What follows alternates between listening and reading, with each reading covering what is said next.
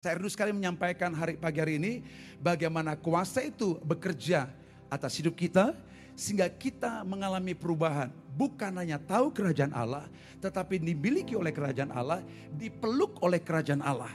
Dan setelah kita memiliki kerajaan Allah, dipeluk oleh kerajaan Allah, wajar bagi kita untuk memperluas, mewarisi, menceritakan tentang kerajaan Allah. Setuju dengan saya? Setuju dengan saya?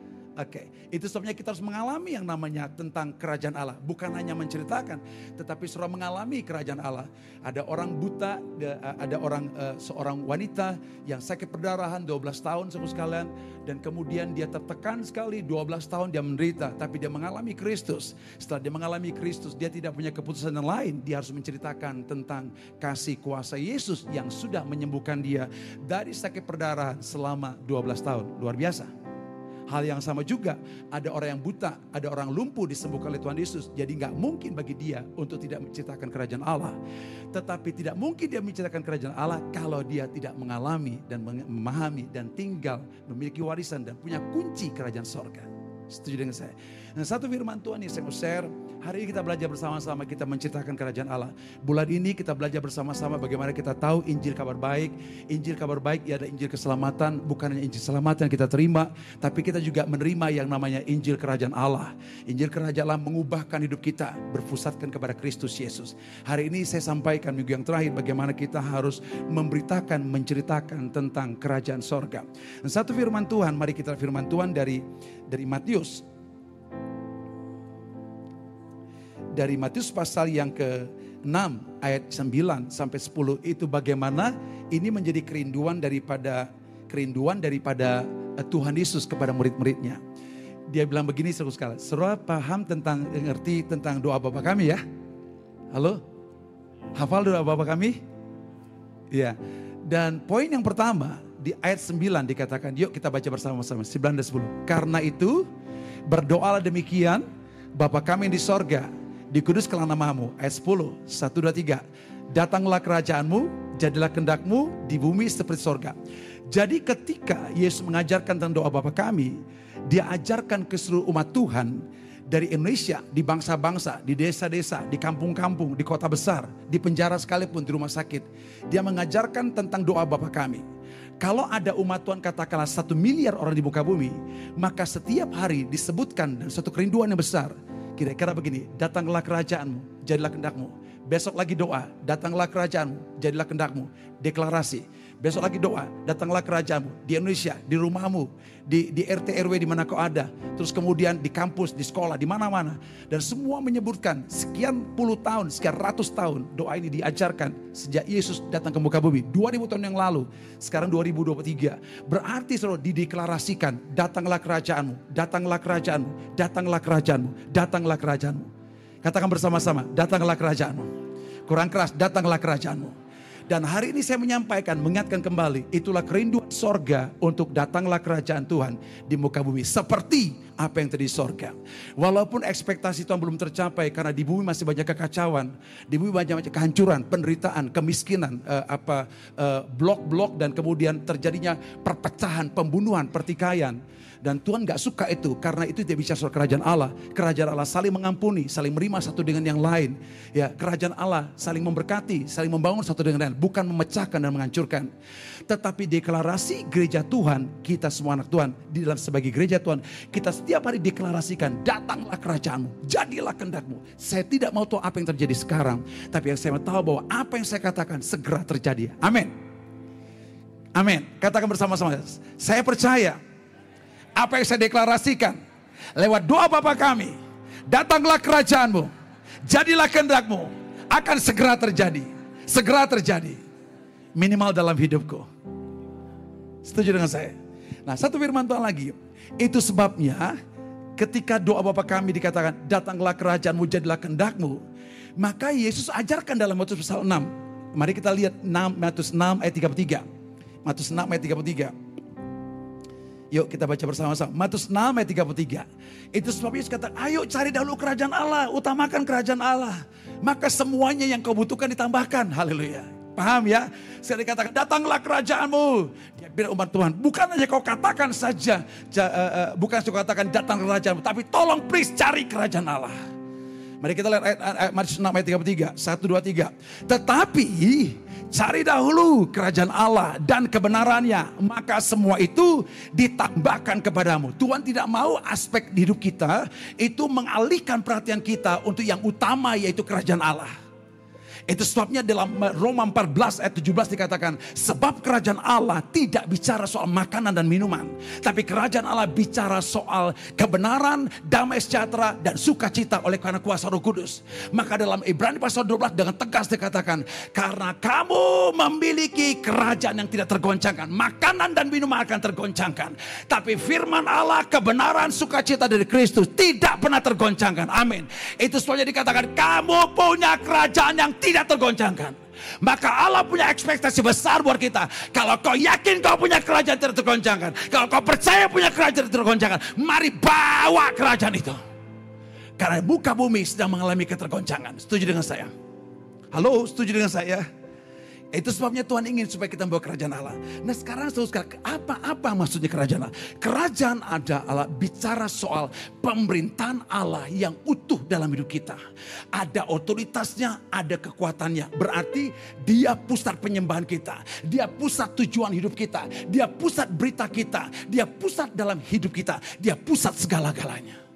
Itu sebabnya dikatakan dia memerintah atas hidup kita. Saya ceritakan bagaimana step kita mengalami. Poin yang pertama, ketika kita lahir baru, kita harus menjadi orang yang paham bahwa kita melihat kerajaan Allah. Dan tidak cukup melihat kerajaan Allah, kita harus masuk kerajaan Allah. Makanya start awalnya lahir baru. Katakan start awal. Kurang keras start awalnya adalah lahir baru. Ya sekali start awalnya adalah lahir baru. Yuk kita lihat firman Tuhan.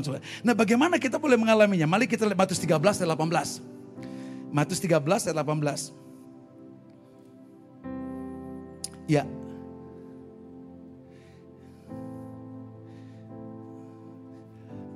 Dan 19, kita baca 19. Ya, mulai 18 ya, ayat 18. Satu, tiga. Karena itu, dengarlah arti perumpamaan penabur itu, ayat 19 kepada setiap orang yang mendengar firman tentang kerajaan sorga, tapi tidak mengertinya, datanglah si jahat dan merampas yang ditaburkan dalam hati orang itu. Itulah benih yang ditaburkan di pinggir jalan. Jadi Yesus menceritakan tentang perumpamaan benih, ada satu benih yang jatuh di pinggir jalan. Dan benih itu bukan kata-kata mutiara. Benih itu adalah firman tentang kerajaan Allah. Sekali lagi saya jelaskan. Firman itu adalah bukan firman untuk uh, bukan sekedar hidup diberkati, masa depan cerah. Firman itu adalah firman tentang kerajaan Allah. Tapi orang yang jatuh di uh, uh, benih yang jatuh di pinggir jalan, orang itu tidak mengerti firman itu dan firman itu dibakar oleh si jahat, maka apa yang terjadi? Orang itu tidak menerima benih firman kerajaan Allah. Tapi yang Tuhan inginkan adalah supaya kita menjadi orang yang menerima benih kerajaan Allah. Mari kita Yohanes pasal 3. Yohanes pasal yang ketiga, ayat yang ketiga dan yang kelima. Mari kita baca bersama-sama. Yohanes pasal 3.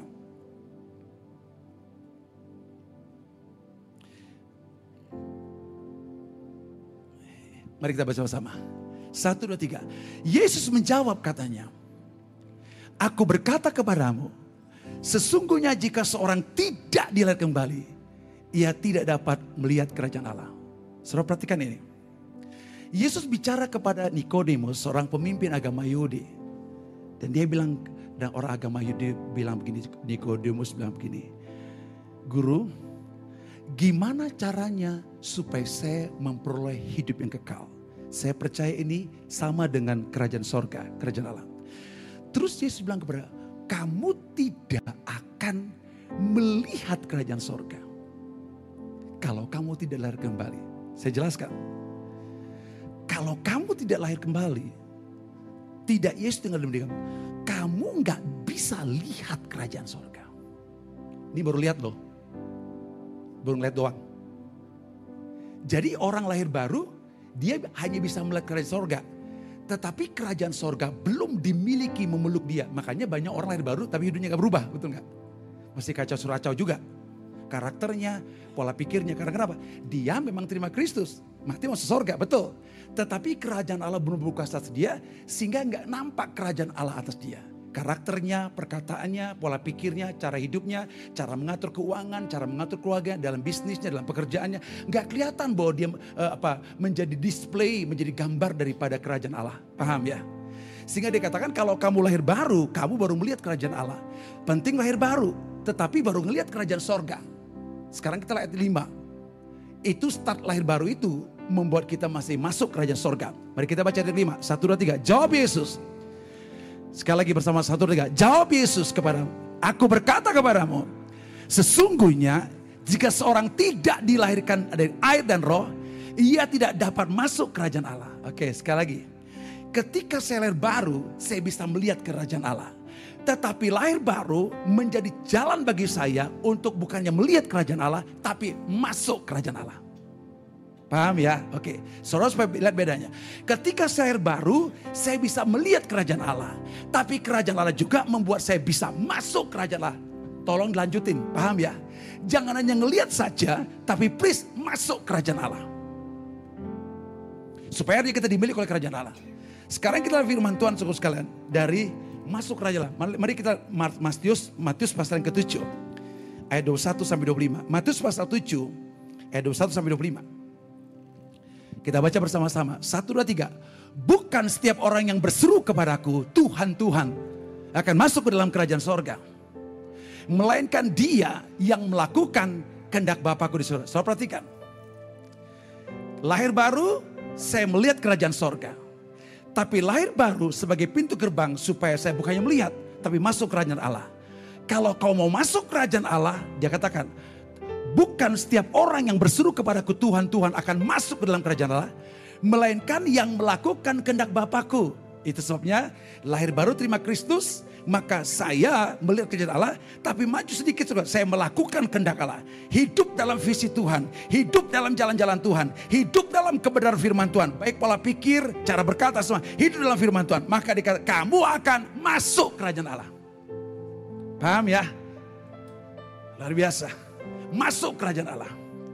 Kita baca ayat 22, 1, 2, 3.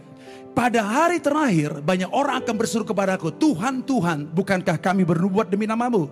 Dan mengusir setan demi namamu dan mengadakan banyak muzizat demi namamu juga. Ayat 23 kita baca bersama-sama, 1, 2, 3. Pada waktu itulah aku akan berterus terang kepada mereka dan berkata, aku tidak pernah mengenal kamu, enyahlah daripadaku, kamu sekalian pembuat kejahatan.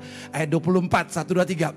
Setiap orang yang mendengar perkataanku ini, dan melakukannya, ia sama dengan orang yang bijaksana yang memberikan rumahnya di atas batu. Ayat 25, 1, 2, 3. Kemudian turunlah hujan dan datanglah banjir. Lalu angin melanda rumah itu. Tetapi rumah itu tidak rubuh sebab dirikan di atas batu. Dia katakan bahwa dia kata, bukan orang yang mengatakan Tuhan, Tuhan maka mereka masuk kehendak Tuhan. Tapi ketika saya lahir baru, saya tidak hanya tahu firman Tuhan, tapi saya menjadi orang yang melakukan firman Tuhan, hidup dalam firman Tuhan, berkata tentang firman Tuhan, pola pikirnya diubah dengan sama seperti firman Tuhan. Maka kita katakan orang yang melakukan kehendak Allah, mereka bukan yang melihat kerajaan sorga saja, mereka akan masuk kerajaan sorga. Dan di bawah ayat 24 25 gimana caranya orang-orang yang mendengarkan firman Tuhan, nggak cukup mendengarkan firman, tapi melakukan ke kebenaran firman Tuhan, maka Alkitab katakan mereka sedang masuk kerajaan Allah. Haleluya.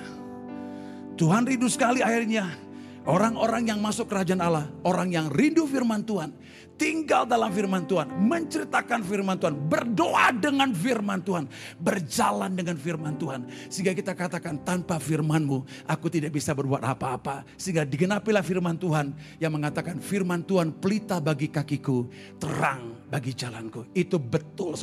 Sehingga orang tidak bisa mengatakan bahwa kehidupanku berhasil karena A, B, C, Z. Tidak. Tapi dia katakan karena firmanmu lah aku berhasil Tuhan. Karena firmanmu lah aku kuat. Karena firmanmu lah aku mengalami sejahtera. Karena firman Allah aku bisa berjalan makin lama makin kuat untuk menghadap Allah di Sion. Karena firman Tuhan. Jadi melihat dan kemudian masuk.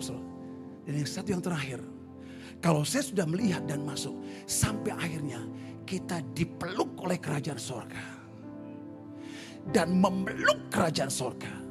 Dan hidup kita mengalami perubahan yang sangat signifikan. Ini penting sekali. Karena banyak yang jadi masalah. Kadang-kadang orang gereja yang buat masalah Saudara perhatikan korupsi sekarang ada banyak orang Kristen di sana saudara. Karena dia hanya tahu gereja seminggu sekali. Tapi mereka tidak paham bahwa mereka harus masuk kerajaan Allah. Dan tidak cukup masuk kerajaan. Mereka dipeluk oleh kerajaan Allah. Artinya mereka dimiliki oleh Yesus. Sehingga seluruh aspek hidup mereka tidak ada keputusan yang diambil. Kecuali berjalan dalam kebenaran firman. Walaupun ada penderitaan. Walaupun ada penderitaan. Mari kita lihat firman Tuhan. Kita harus lebih dalam lagi supaya tinggal dalam kerajaan surga. Yakobus yang Yakobus 2 ayat yang kelima. Yakobus 2 ayat yang kelima. Ya. Dengarkanlah hai saudara-saudara yang kukasih. Bukankah Allah memilih orang-orang dianggap miskin oleh dunia ini untuk menjadi kaya dalam iman dan menjadi ahli waris kerajaan yang dijanjikannya kepada barang siapa yang mengasihinya. Kita bukan hanya melihat kerajaan sorga, tapi masuk kerajaan sampai mewarisi kerajaan sorga. Saudara perhatikan bicara warisan. Anak tetangga dalam keluarga saya, anak tetangga tidak berhak dengan warisan saya betul. Anaklah yang berhak dengan sebuah warisan. Bapak surgawi adalah Bapak kita maka ketika kita mempunyai warisan sorgawi, maka kita harus memposisikan diri sebagai anak di hadapan Bapa. Setuju dengan saya? Kalau nggak punya, kalau, kalau, kalau bukan anak nggak boleh warisan. Sehingga ketika kita punya anda sebagai anak, maka apa yang menjadi tujuan Bapa, karakter Bapa, tujuan Bapa, kehidupan Bapa, kerinduan Bapa, hati Bapa menjadi hati kita. Dan itulah yang dimiliki oleh Yesus. Yesus bilang ini, Bapakku bekerja, maka aku bekerja. Kenapa aku bekerja? Karena aku melihat Bapakku bekerja. Akibatnya aku dan Bapakku adalah satu. Sehingga apa yang menjadi kerinduan Bapa itu kerinduan Yesus. Apa tujuan Bapa? Tujuan Yesus. Sebagai umat pilihan Tuhan yang memiliki kerajaan Allah, mewaris kerajaan Allah.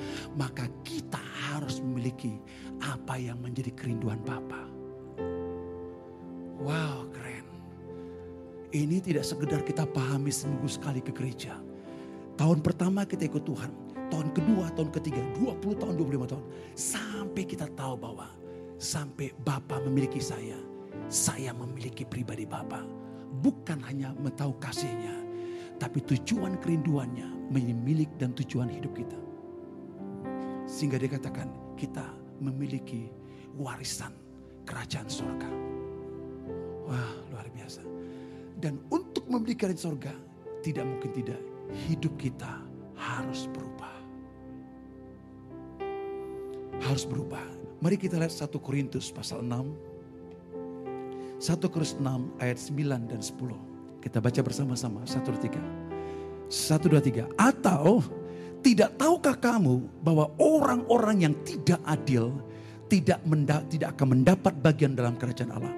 Janganlah sesat, orang cabul, penyembah berhala, orang berzina, banci, pemburit ayat 10. Pencuri, orang kikir, pemabuk, pemfitnah, dan penipu tidak akan mendapat bagian dalam kerajaan Allah. Jadi setelah kita melihat kerajaan Allah, lahir baru, hidup dalam kebenaran firman Tuhan, kita masuk kerajaan Allah. Sekarang Tuhan ingin kita menjadi bagian kerajaan Allah. Dimiliki oleh kerajaan Allah. Dan catatannya, kalau engkau dimiliki kerajaan, maka hidupmu harus berubah. Tidak bisa, hidup harus berubah. Kalau dulu pencuri, sekarang nggak mencuri lagi. Kalau hidup dulu main-main dengan dosa, sekarang nggak bisa lagi main-main dengan dosa. Kalau hidup perkataan yang tidak benar, maka sekarang tidak boleh lagi perkataan tidak benar. Setuju dengan saya? Seluruh dosa yang kita perbuat harus berubah. Kenapa? Kalau tidak berubah, maka orang-orang tertentu yang tidak berubah dalam gereja Tuhan, mereka menjadi perusak kerajaan sorga. Paham? Makanya Alkitab katakan bahwa nanti dikatakan Tuhan akan memisahkan antara ilang dengan Nuh. Kenapa saudara? Karena ada ilang ditadurkan oleh si jahat. Dan ketika si jahat naburkan, makanya gereja bisa mengalami perpecahan. Mengalami persoalan karena ada orang-orang tertentu yang hidupnya belum dipeluk oleh kerajaan. Belum diubah oleh kerajaan Allah. Sehingga Rasul Paulus katakan jemaat Korintus, jemaat Korintus, tahu nggak pertama kali kali ikut Tuhan tidak ada yang terkenal, tidak yang berpengaruh, tidak ada orang yang hebat. Tetapi setelah kau ikut Kristus, engkau berubah menjadi orang hebat, menjadi orang yang terkenal, menjadi orang berpengaruh. Kenapa? Karena mereka tinggal dalam kebenaran firman Tuhan. Ini penting sekali. Sehingga di tengah-tengah gereja Tuhan tidak ada orang-orang yang tidak memahami kerajaan surga. Yang bisa dipakai si jahat untuk menghancurkan kerajaan Allah. Sehingga digaskan. Dulu pemburit, sekarang gak lagi. Semuanya berubah. Satu ayat firman Tuhan lagi. Untuk menegaskan. Mari kita Galatia 5. Ayat 21. Galatia 5 ayat 21. 1, 2, 3. Kita baca bersama-sama. 1, 2, 3. Kedengkian, kemabukan, pesta pora dan sebagainya. Terhadap semuanya itu kuperingatkan kamu. Seperti yang telah kubuat dahulu. Bahwa barang siapa melakukan hal demikian. Ia tidak akan mendapat bagian dalam kerajaan Allah. Sehingga tegas tidak bisa lagi kedengkian. Tidak lagi bisa mabok dengan dunia ini. Tidak bisa lagi dengan pesta pora dan sebagainya. Iya. Mari kita atas lagi ayat 20. Kita lihat ayat 20. Kita baca bersama saya 20. Ini dia lebih lebih banyak lagi. Galatia 5 ayat 20. 1, 2, 3. Penyembah berhala, sihir, perseteruan, perselisihan, iri hati, amarah, kepentingan diri sendiri, perceraian, roh pemecah dan ke bawahnya. Tidak akan mendapat bagian dalam kerajaan Allah. Bukankah seruku sekalian di tengah-tengah rumah Tuhan ada masih ada perseteruan kadang-kala? Masih ada perselisihan kadang-kala betul? Masih ada iri hati, masih ada amarah, masih ada kepentingan diri sendiri, masih ada perceraian, masih roh pemecah. Tapi gereja, Tuhan katakan, kalau kau masih memiliki itu, engkau tidak berhak mendapat bagian kerajaan Allah. Artinya seluruh aspek hidup kita yang saya tahu dan saya ngerti bahwa ada hal-hal perlu diubah, harus berubah. Kalau tidak, saya hanya melihat masuk kerajaan Allah. Saya belum tapi saya belum menjadi bagian kerajaan sorga. Saya belum memiliki kerajaan sorga. Kalau saya pelit hitung-hitungan dengan Tuhan. Ya, kalau saya hidupnya nggak punya tujuan, nggak punya satu visi dalam gereja lokal yang ada. Saya hanya mengumbarkan visi pribadi saya, saudara. Tapi tidak terhisap pada visi gereja lokal. Apa yang terjadi? Saya menjadi orang yang belum yang namanya menjadi bagian kerajaan Allah. Tuhan ingin kita masuk lebih dalam lagi. Sampai ketika kita memiliki kerajaan Allah. Dipeluk oleh kerajaan Allah. Dan Tuhan katakan kita menjadi memiliki warisan kerajaan sorga. Dan warisan kerajaan sorga itu kita hidup tidak pernah tergoncangkan. Bahkan dalam Matius pasal 16 dikatakan, Yesus katakan kepada Petrus, Petrus di atas batu karang ini aku akan bangun jemaatku. Dan Allah mau tidak bisa menguasainya. Ya, dan ayat bawahnya dikatakan, dan aku memberikan kepadamu kunci kerajaan sorga. Oke, saya jelaskan dalam hal doa. Dalam Matius pasal 7, Yesus mengajarkan muridnya. Mintalah maka kamu akan menerima. Terus kemudian cari akan mendapat. Lanjut ketuk, pintu dibukakan. Oke, sudah setuju itu? Sehingga kalau kita minta, kita cari, ketuk, pintu dibukakan. Kami di rumah ada beberapa orang dengan anak-anak saya Waktu anak saya kecil, saya tidak pernah kasih kunci rumah buat anak saya. Tapi setelah anak saya dewasa, semua saya kasih kunci satu persatu. Karena kalau telat, supaya mereka buka kunci sendiri. Dengar apa yang saya sampaikan. Waktu anak saya masih kecil, TK, SD, SMP, saya nggak kasih kunci.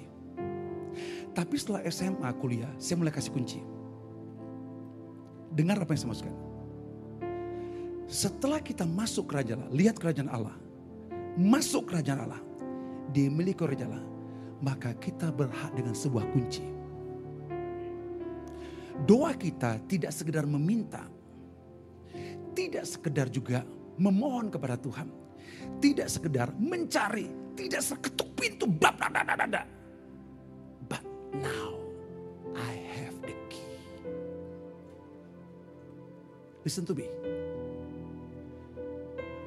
Dulu waktu saya masih anak-anak, saya minta. Saya cari. Saya ketuk pintu berkali-kali, menangis berketuk. But when I mature, ketika saya dewasa, saya nggak minta saja. Saya tidak ketuk-ketuk. Saya pulang ke rumah, anak saya pulang ke rumah. Buka rumah saya. Because they have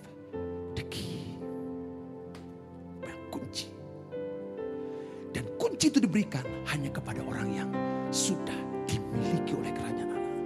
Memeluk kerajaan Allah dan dipeluk oleh kerajaan Allah.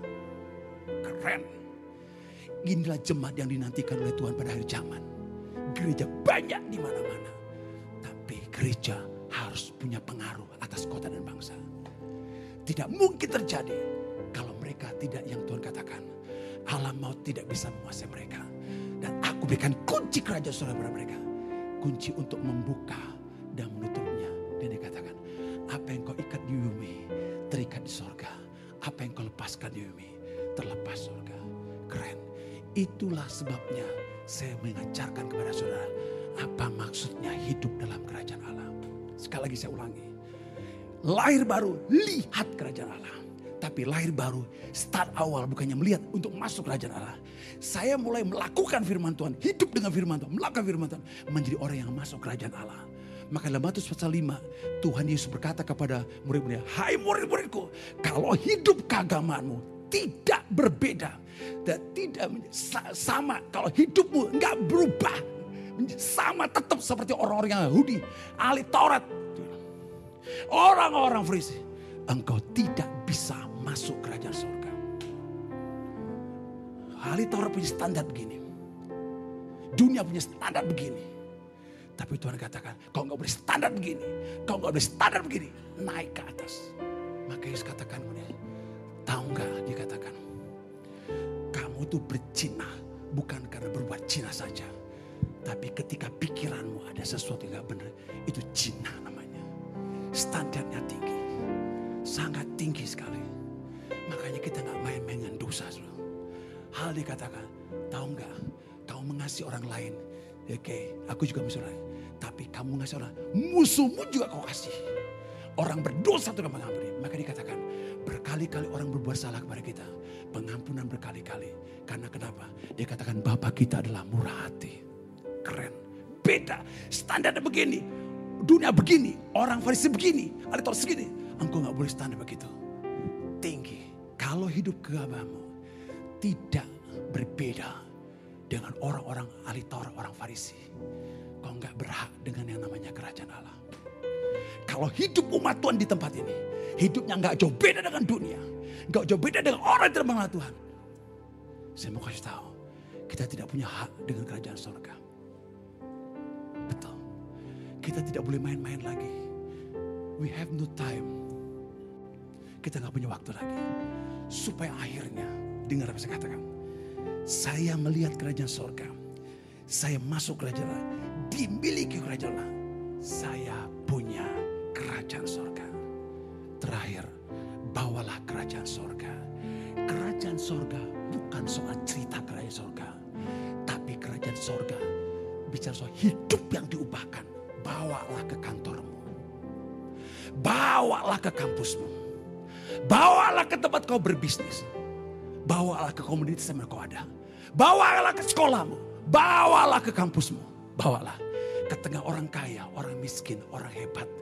Orang yang luka hatinya, orang dikuasai setan. Bawalah kerajaan Allah ke sana. Di tengah orang kaya, orang-orang berpolitik, orang pintar. Bawalah Injil kerajaan Allah. Bawalah di mana pun kau berada. Di mana tempat-tempat itu adalah milik Tuhan. Cuma waktu tertentu masih dikuasai oleh kerajaan neraka. Dan Tuhan ingin menempatkan kau di sekolah itu. Tuhan ingin menempatkan kau di kampus itu. Untuk membawa kerajaan Allah. Bukan hanya untuk menerima jabatan dan sejumlah gaji dan uang. Supaya kau punya standar berbeda dengan dunia ini.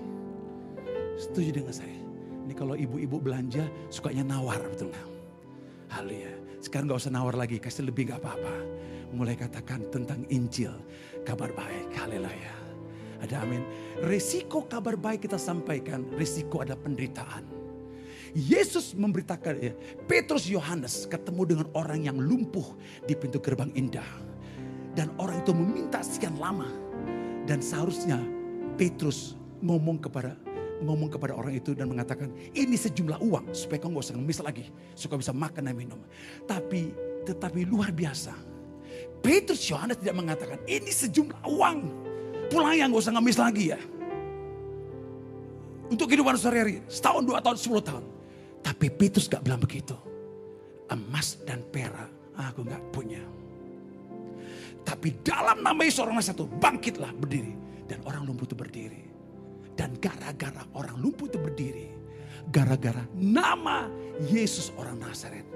Petrus Yohanes harus masuk ke penjara. Karena dia bukan menciptakan perbuatan baik. Dia menceritakan kabar baik. Gereja ditipu sekarang untuk menyampaikan hanya kabar baik.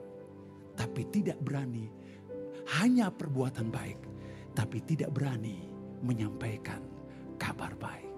Konten kabar baik itu adalah Jesus and His Kingdom. Akibatnya Petrus Yohanes masuk penjara. Satu ketika kalau gereja bangkit menyampaikan kabar baik, penjara menanti. Persekusi terjadi seperti di mana-mana. Bukan berarti kita menginginkan. Tapi Tuhan katakan, ketika kau menderita, maka kau akan mengalami namanya masuk. Bukannya melihat, bukannya masuk, tapi mengalami, dimiliki oleh kerajaan Allah. Gereja terlalu enak pada hari-hari terakhir. Tapi lupa, one day kita bisa mengalami penderitaan. Mulai dari yang kecil sampai yang besar. Dan gereja tidak berani untuk menderita. Akibatnya kompromi di sana sini dan berbuat dosa dan tidak ada kelihatan kemuliaan Tuhan. Saya rindu sekali jemaat Tuhan itu bangkit dalam kebenaran firman Tuhan. Dan yang terakhir, Tuhan janji, Matius 14, Matius 24 ayat 14 bisa. Saya akan tutup beberapa menit lagi. Matius pasal yang ke-24 ayat 14. Kita baca bersama-sama. Dan satu dua tiga. Dan Injil kerajaan ini akan diberitakan di seluruh dunia. Menjadi kesaksian bagi semua bangsa. Sudah itu barulah tiba kesudahannya. Injil yang mengubah banyak orang. Yang Tuhan ingin memiliki mereka. Harus diberitakan ke seluruh muka bumi. Sekarang penduduk bumi 7 sampai 8 miliar. Masih mungkin 1-2 miliar orang-orang yang tahu Kristus, yang tahu Yesus. Masih ada miliaran lagi untuk Injil diberitakan sehingga orang-orang mengatakan minimal tahun ini kita menjangkau di seluruh dunia satu miliaran orang. Dan hari ini saya share kembali. Gereja terus bangkit depan minimal satu tahun. Kita beritakan Injil kepada satu orang. Dan yang kedua, muridkan mereka. Dan ketika Yesus mengatakan demikian, dia tidak gombal janjinya. Tapi dia katakan, I give you the power to preach the gospel, to bring the kingdom of God. Dan setelah 50 hari Tuhan Yesus naik ke surga. Setelah 50 hari Yesus bangkit. Dan 10 hari dia naik ke surga. Dia turunkan roh kudus. Bagi kamulah roh kudus itu. Yang menyertai kamu. Yang memimpin kamu. Terakhir mari kita buka. Matius pasal 7. Pemusik bisa maju ke depan. Matius pasal yang ke-7. Matius pasal 10. Matius pasal yang ke-7. dan ayat 8. Kita baca bersama-sama 1, 2, 3. Pergilah dan beritakanlah kerajaan sorga sudah dekat. Ayat 8, 1, 2, 3. Sembuhkan orang sakit, bangkitkan orang mati, tahirkanlah orang kusta, usirlah setan-setan. Kamu telah memperolehnya dengan cuma-cuma. Karena itu beritakanlah, berikanlah pula dengan cuma-cuma. Dikatakan, bawalah Injil kerajaan Allah di mana pun kau berada. Sembuhkan orang sakit, usir setan, orang kusta disembuhkan. Kamu sudah peroleh kerajaan dengan cuma-cuma. Mari bagikan keperluan dengan cuma-cuma. Makanya kisah Rasul ayat 1 dikatakan, dan kamu akan menerima kuasa jika roh kudus turun atas kamu. Dan kamu akan menjadi saksiku di Yerusalem, Yudea, Samaria, ujung dunia. Itu sebabnya Tuhan itu fair sekali. Tidak ada alasan bagi kita untuk tidak membawa kerajaan Allah. Tidak ada alasan bagi kita untuk membawa Injil kepada banyak orang.